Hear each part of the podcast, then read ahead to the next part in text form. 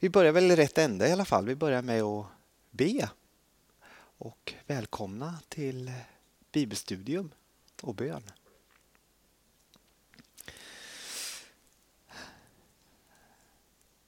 Himmelske far, vi tackar dig för att vi får samlas i ditt namn den här kvällen. Tack för ditt ord som är verksamt idag, precis som det var när det skrevs någon gång för nästan 2000 år sedan. Jag tackar dig för aposteln Paulus som reste med iver och nit genom hela romarriket för att predika ditt ord. Jag ber att han ska få fortsätta att vara ett föredöme och en inspirationskälla för oss idag. Jag ber att den trosiver ska få väckas i våra hjärtan och brinna. Jag ber att ditt ord ska få vara verksamt den här kvällen. Att det ska få tala in i våra hjärtan på olika sätt efter var vi befinner oss på vägen och vad du har för tanke med oss. Så ber jag att du plockar bort det som inte är i linje med din tanke och vilja. Att vi ska glömma det, att det ska läggas bakom oss. Men att det som är i din vilja ska få planteras i den goda jorden i våra hjärtan och växa och ge frukt och mångfaldigas. Vi ber så i Jesu namn. Amen.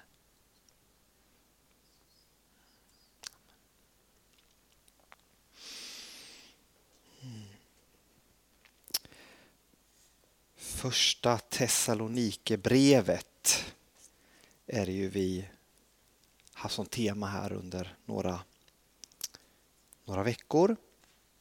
Eller så lång tid, ett kapitel i per sånt här bibelstudietillfälle.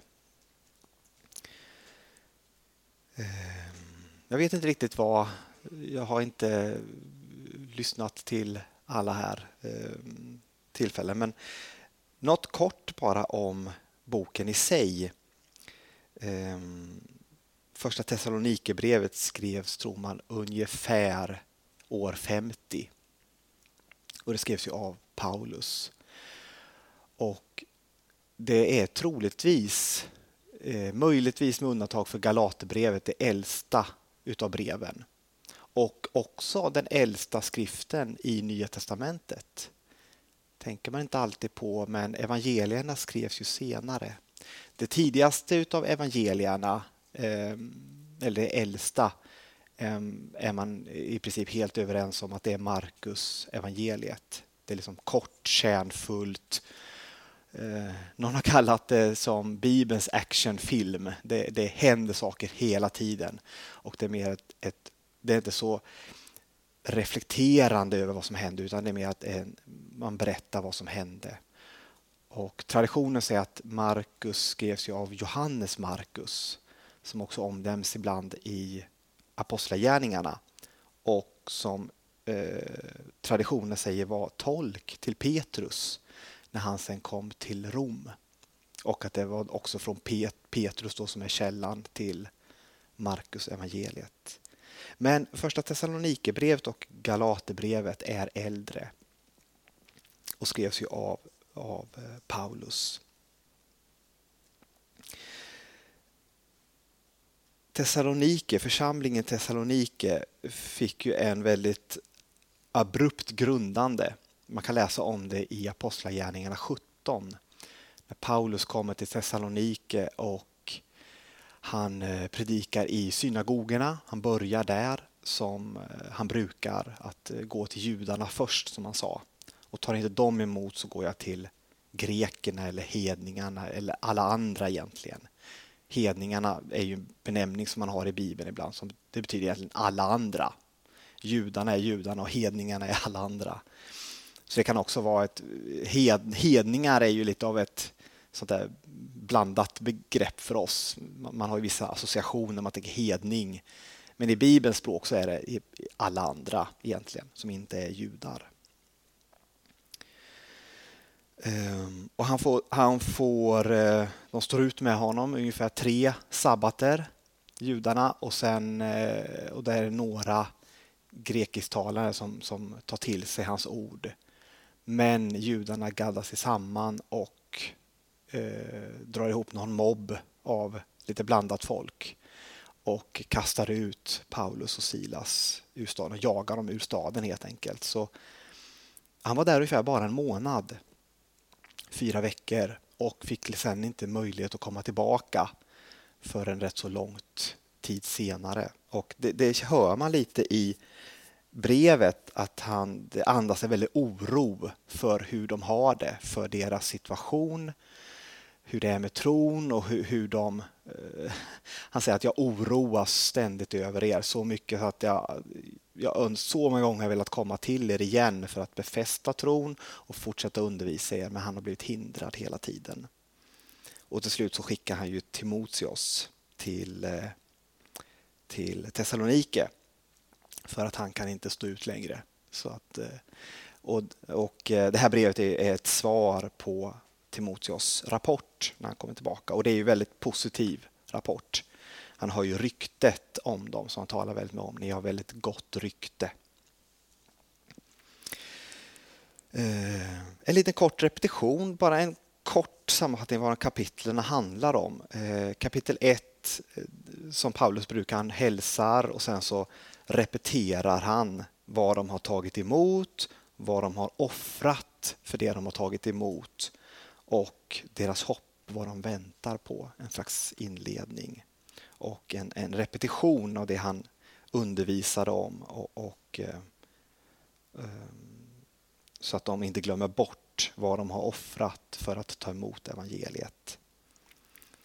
Eh, kapitel 2 sen är ju ett form av försvar för sig själv. Uppenbarligen så har det kommit mycket rykten om dem, att de, de jobbar för egen, eh, egen vinning, att de har dolda, orena motiv. Många sådana där rykten som man hör om, som man starkt vill dementera och säga att vi endast jobbar eh, för, för troheten mot evangeliet. Det är vår enda rättesnöre och vårt enda, vårt enda motiv. I andra test, eller i andra kapitlet med så har vi ju en rätt så stark text eh, om judarna som kan vara lite svårt för oss att läsa. Han säger att de är hela världens fiender och de fängslade Jesus och de hur tänker man, hur kan Paulus tala så om det utvalda folket? Och, men då tror jag att man kan ha med den här bakgrunden att hur han behandlas av judarna i synagogorna och där han reser omkring. Ehm, där han blir förföljd och han blir jagad och han blir stenad och han blir utlämnad och eh, förföljd överallt. Så man kan förstå lite av Paulus känslor. För han själv var ju på ett sätt den mest trogna juden som fanns eh, med hans eh, bakgrund. Eh, som han lyfter fram i många fall eh, väldigt tydligt. Men det kan förklara lite av den, den, de, det, starka, det starka språk han har om judarna i andra kapitlet. Och i kapitel 3 så fortsätter han ju att tala om de här uteblivna besöken och sin oro och tala om Timoteus rapport från deras eh, Eh, församling och hoppas att få snart få träffa dem och önskar att deras kärlek ska få fortsätta att växa. Det är hans bön. Och det som han i många utav breven kommer tillbaka till, att hans önskan att, att eh, eh, medlemmar i församlingen och kristna ska växa i, i kärlek till varandra och till sina medmänniskor. Och kapitel 4 i form av bekräftelse om att det han hör från Timoteus säger att bekräfta att de är på rätt väg och han bekräftar också det i brevet. Ni är på rätt väg men han vädjar om fortsatt ansträngningar från deras sida att, eh, att fortsätta och eh, växa. Och målet som han säger i kapitel 4 med det kristna livet och det säger han, det är att bli heliga. Målet är att bli heliga som Gud. Och Det är målet för varje kristen, att bli lik Gud. Det Jesus kom för att berätta om vem Gud är och lära människan att följa hans vägar och hans tankar. Och Jesus ville ju också vittna med sitt eget liv, inte bara sina ord utan sitt eget sätt att leva. Och berätta då om riket som består av människor som blir mer och mer lika Gud. Ett rike som mer och mer speglar det himmelska riket, speglar den himmelska världen, Guds vilja. Det är Guds, precis som bönen som Jesus lär oss att be. Låt din vilja ske så som i himlen, så och på jorden. Att bli heliga. Och han rättar ju till ett litet så att säga, tomrum i deras förståelse av de dödas uppståndelse. För det är klart att Paulus levde ju med att Jesus kommer snart. Det är på gång vilken dag som helst. Det var ju det, det, var det som de levde med. Jesus var ju rätt så... Om man läser slutet av evangelien skulle jag tro det också där de talar om det här, ja, om han lever, när han säger till Johannes, om han lever när jag kommer tillbaka, vad rör det dig? Det där ryktet kom i, i omlopp att några av apostlarna kommer inte att dö innan Jesus kommer tillbaka och det ligger på den här, den här brådskan som driver Paulus, som driver apostlarna att missionera. I princip alla apostlar lämnade ju sen Jerusalem åt olika håll. De försvann ju åt alla riktningar enligt traditionen. Bibeln säger ju inte så mycket om de andra apostlarna. Vad hände? Lite hör vi om Petrus och Johannes eh, och sen Paulus arbete. Men de andra traditionen säger att de försvann åt olika håll. Ut i världen för att missionera. Så han rättar till lite om deras tro för att då när folk i församlingen börjar dö tänker man, men vad hände med dem? De levde ju inte när Jesus kom tillbaka. Vad hände med dem? Eh, och den oron börjar sprida sig. Vad, vad, vad händer om vi dör innan Jesus kommer tillbaka? Och här, där rättar ju Paulus till lite om att det oavsett om vi är döda eller lever så kommer vi alla uppstå.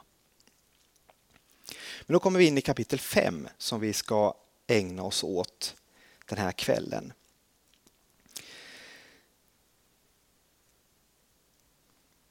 Ska vi läsa? Om jag läser i sin helhet först så går vi in sen i lite så får vi först sammanhanget och så tar vi lite eh, vers för vers sen och går igenom lite.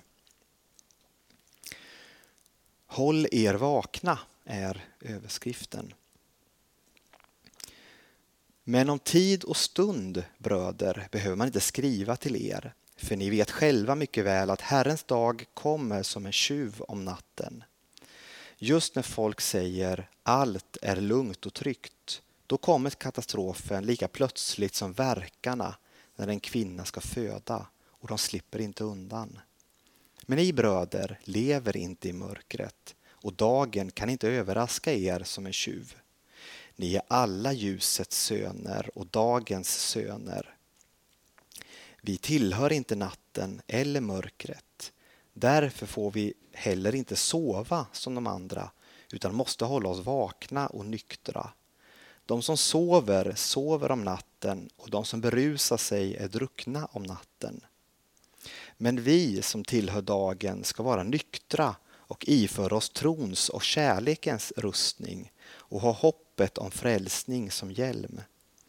Gud har inte bestämt oss till att bli offer för vreden utan till att vinna frälsning genom vår Herre Jesus Kristus som har dött för oss för att vi ska leva tillsammans med honom vare sig vi nu är vakna eller sover. Därför ska ni trösta och bygga upp varandra så som ni ju också gör. Vi vädjar till er bröder att sätta värde på dem som har det yttersta arbetet bland er som står i spetsen för församlingen och vägleder er. Visa dem den största kärleken och uppskattning för allt vad de uträttar. Håll fred med varandra. Vi uppmanar er bröder, tala de oordentliga till rätta, uppmuntra de modfällda, stöd de svaga, ha tålamod med alla. Se till att ingen lönar ont med ont. Sträva alltid efter att göra gott mot varandra och mot alla andra. Var alltid glada. Be ständigt och tacka hela tiden Gud. Gör så, det är Guds vilja i Kristus Jesus. Släck inte anden, förakta inga profetior, men pröva allt. Ta vara på det som är bra och avhåll er från allt slags ont. Må han som är fridens Gud helga er helt igenom och må er ande, själ och kropp bevaras hela och oskadda så att de är utan fläck när vår Herre Jesus Kristus kommer. Han som kallar er är trofast. Han ska åstadkomma det. Bröder, be också för oss. Hälsa alla bröderna med en helig kyss. Lova mig i Herrens namn att alla bröderna får höra brevet läsas upp. Nåd från vår Herre Christ, Jesus Kristus åt er alla.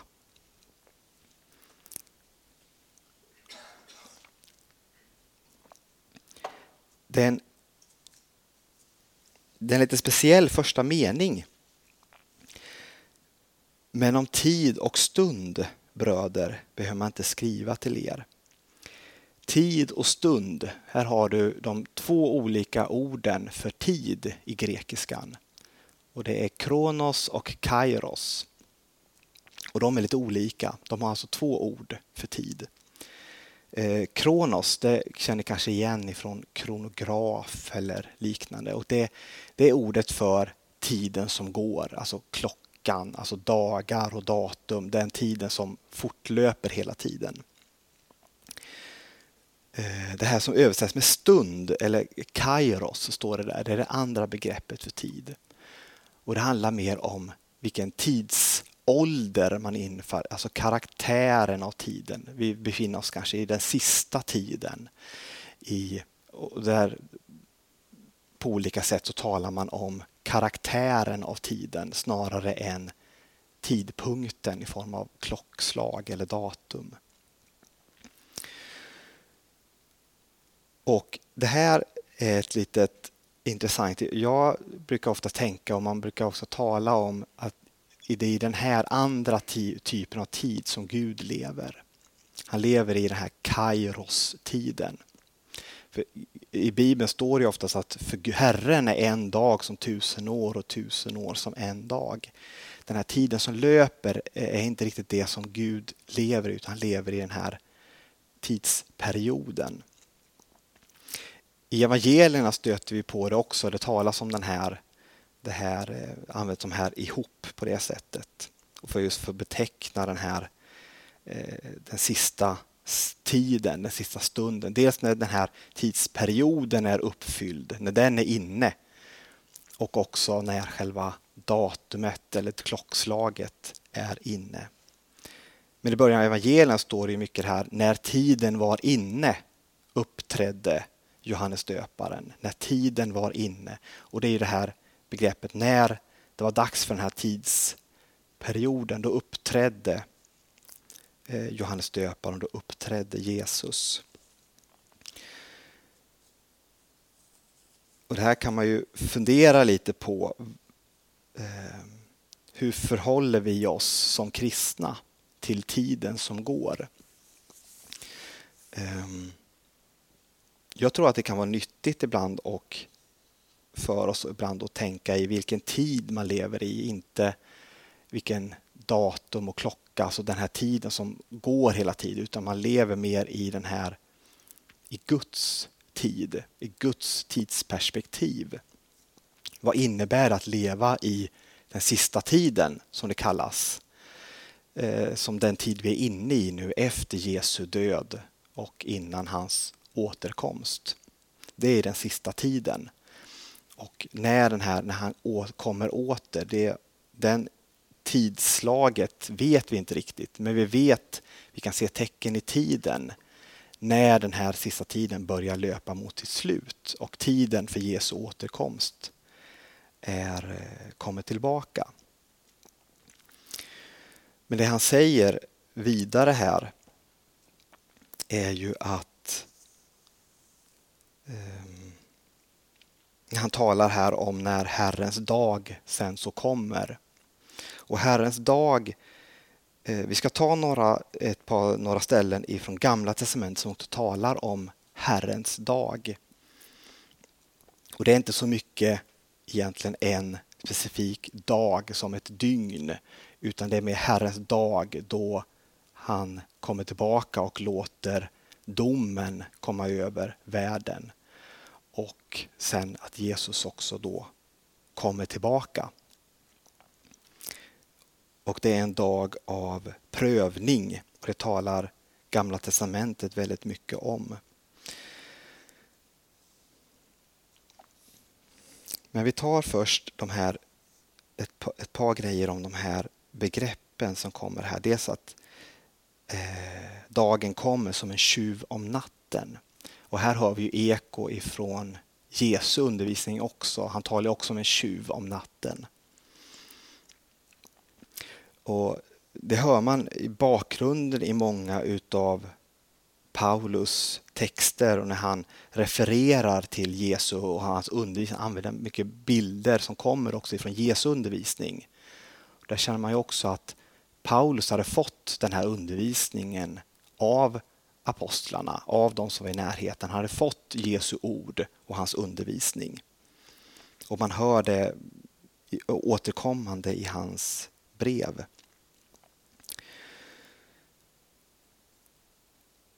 Bland annat så talar ju Jesus om, eh, han använder också andra begrepp för den här eh, dagen, att den, den, kommer som en överraskning. Han talar om Sodoms förstörelse, talar Jesus att den kommer på samma sätt väldigt plötsligt. Han talar om syndafloden och liknar den här dagen vid syndafloden. Och så då också tjänarna som väntar, som har fått ta hand om huset medan Herren är borta.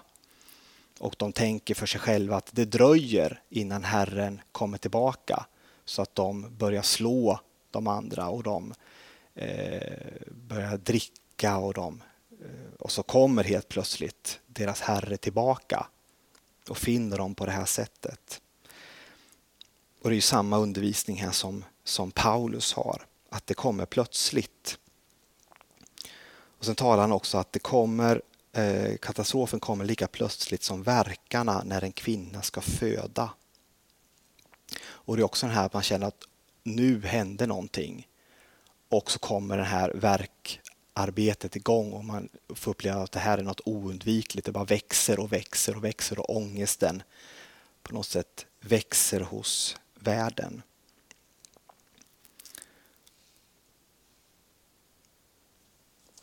Vi tar några gammaltestamentliga texter om den här dagen, Herrens dag.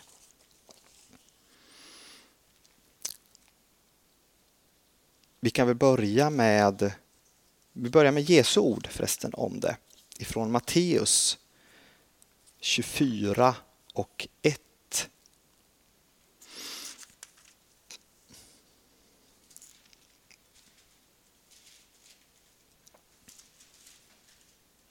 Mm, nej, 24 och 21. Jag läste fel. Matteus 24 och 21.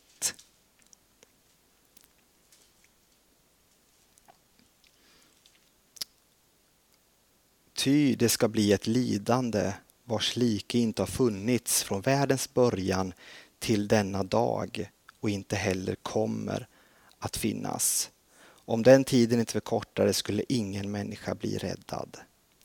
Men för de utvaldas skull så kommer den tiden att förkortas.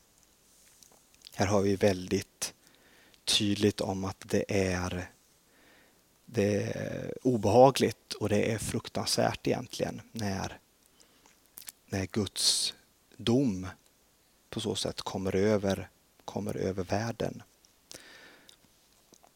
Och vi läser från, också kan läsa från Jeremia ifrån det trettionde kapitlet. Och vers 4. Och vidare några verser. Detta är vad Herren talade om Israel och Juda. Ja, så säger Herren. Vi hör ångestskrik och rop i hjälplös skräck. Tänk efter, inte kan en man föda barn. Varför ser jag då alla män hålla händerna om magen som födande kvinnor? Och varför har alla ansikten skiftat färg och blivit dödsbleka? Oerhörd är den dagen. Ingen annan lik. Det blir en nödens stund för Jakob, men han ska bli räddad. Den dagen, säger Herren, ska jag lyfta oket från hans nacke och bryta sönder det och slita av hans band. De ska inte längre träla under främlingar. De ska tjäna Herren, sin Gud, och David, den kung som jag ska låta stiga fram bland er. Och kungen David är ju Jesus som ska träda fram och de ska tjäna honom och han ska bryta deras band. Så det står ju också om att det finns räddning undan den här dagen. Vi har också text om det i Daniels bok. I Daniel kapitel 12.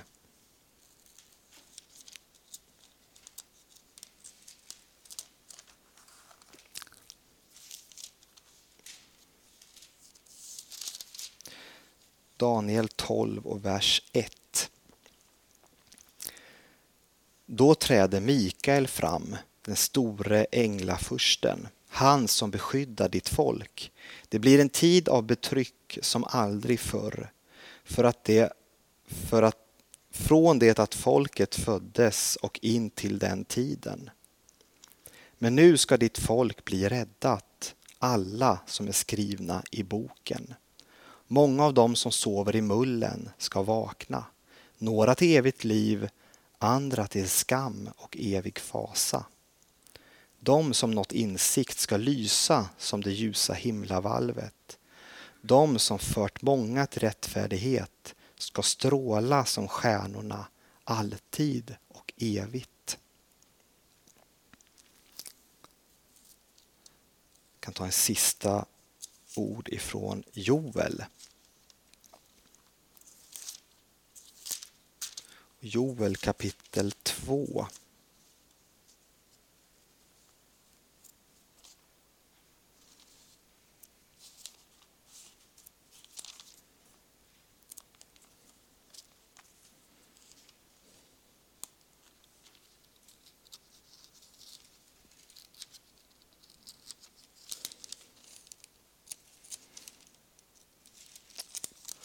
Och vers 2.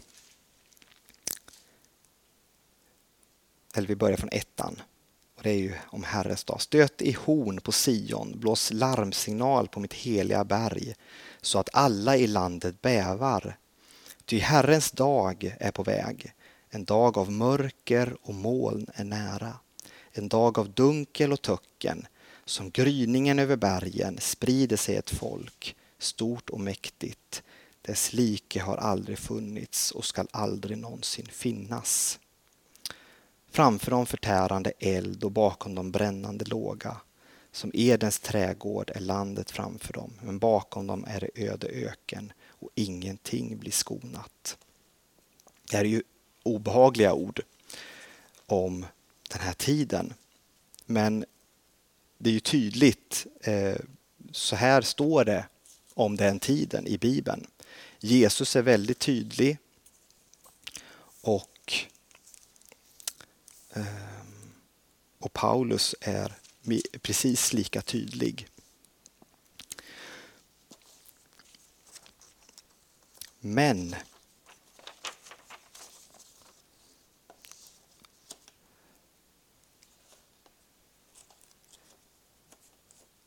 vi har ju eh, kapitel 4. I, i, eller vers 4 i kapitel 5. Men ni bröder och, och systrar, kan man också, måste man tänka med när man läser det här. Lever inte i mörkret och dagen kan inte överraska er som en tjuv.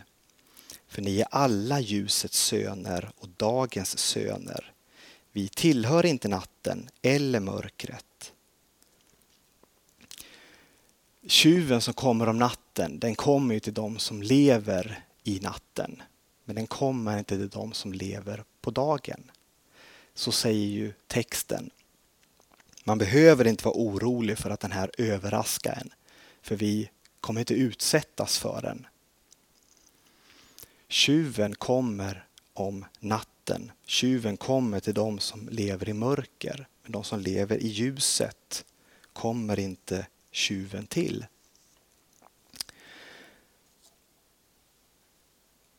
Och vad Paulus understryker är ju vaksamhet. Det är det som hela texten egentligen handlar om. Var vaksamma. Var vaksamma på er själva